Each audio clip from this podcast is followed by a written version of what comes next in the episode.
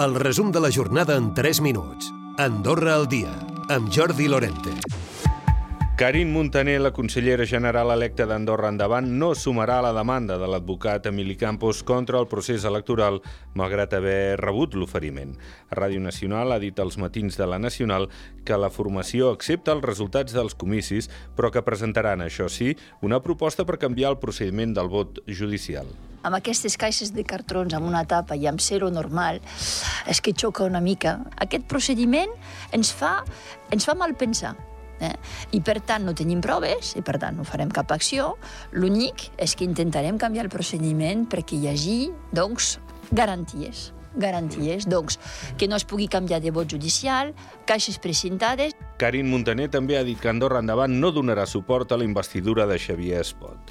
I el Comú de Sant Julià de Lòria creu que hauria pogut aportar millors opcions d'edificis al govern perquè els adquirís o arrendés i que els efectes només es veuran a llarg termini perquè són edificis que s'han de rehabilitar. Josep Majoral. Seran immobles avui tancats a la parròquia que recuperaran aquesta vida i que poc o molt activitat portaran L'abaratiment del transport, l'electricitat i els carburants permeten frenar l'augment de la inflació dels darrers mesos.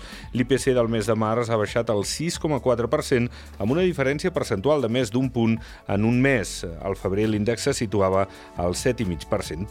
Les titulacions universitàries i d'FP del país són perfectament convalidables a l'estranger, segons la ministra d'Educació i Ensenyament Superior en funcions Esther Vilarrubla.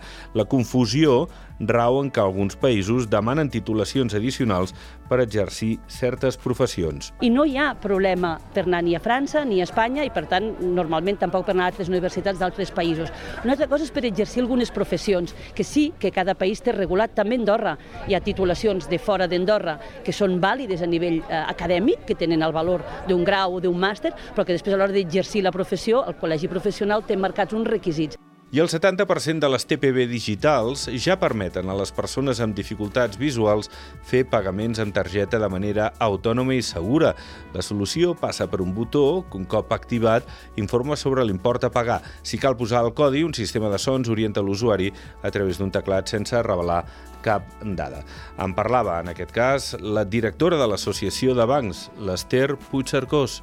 Anglaterra és qui ens ha facilitat aquesta, aquesta funcionalitat, doncs s'ha hagut de traduir, doncs, passar tots els, els, els, els controls eh, de seguretat corresponents. Ens han donat ells l'aplicació, la, la, la funcionalitat, perquè no podia ser d'una altra manera. No? Nosaltres no podíem trastejar aquest TPB, és una funcionalitat totalment acceptada pel, pel mercat. Segons dades del Departament d'Estadística, al país viuen al mes de març 82.041 persones, el que representa un augment del 2,6% en comparació al mateix mes de l'any passat.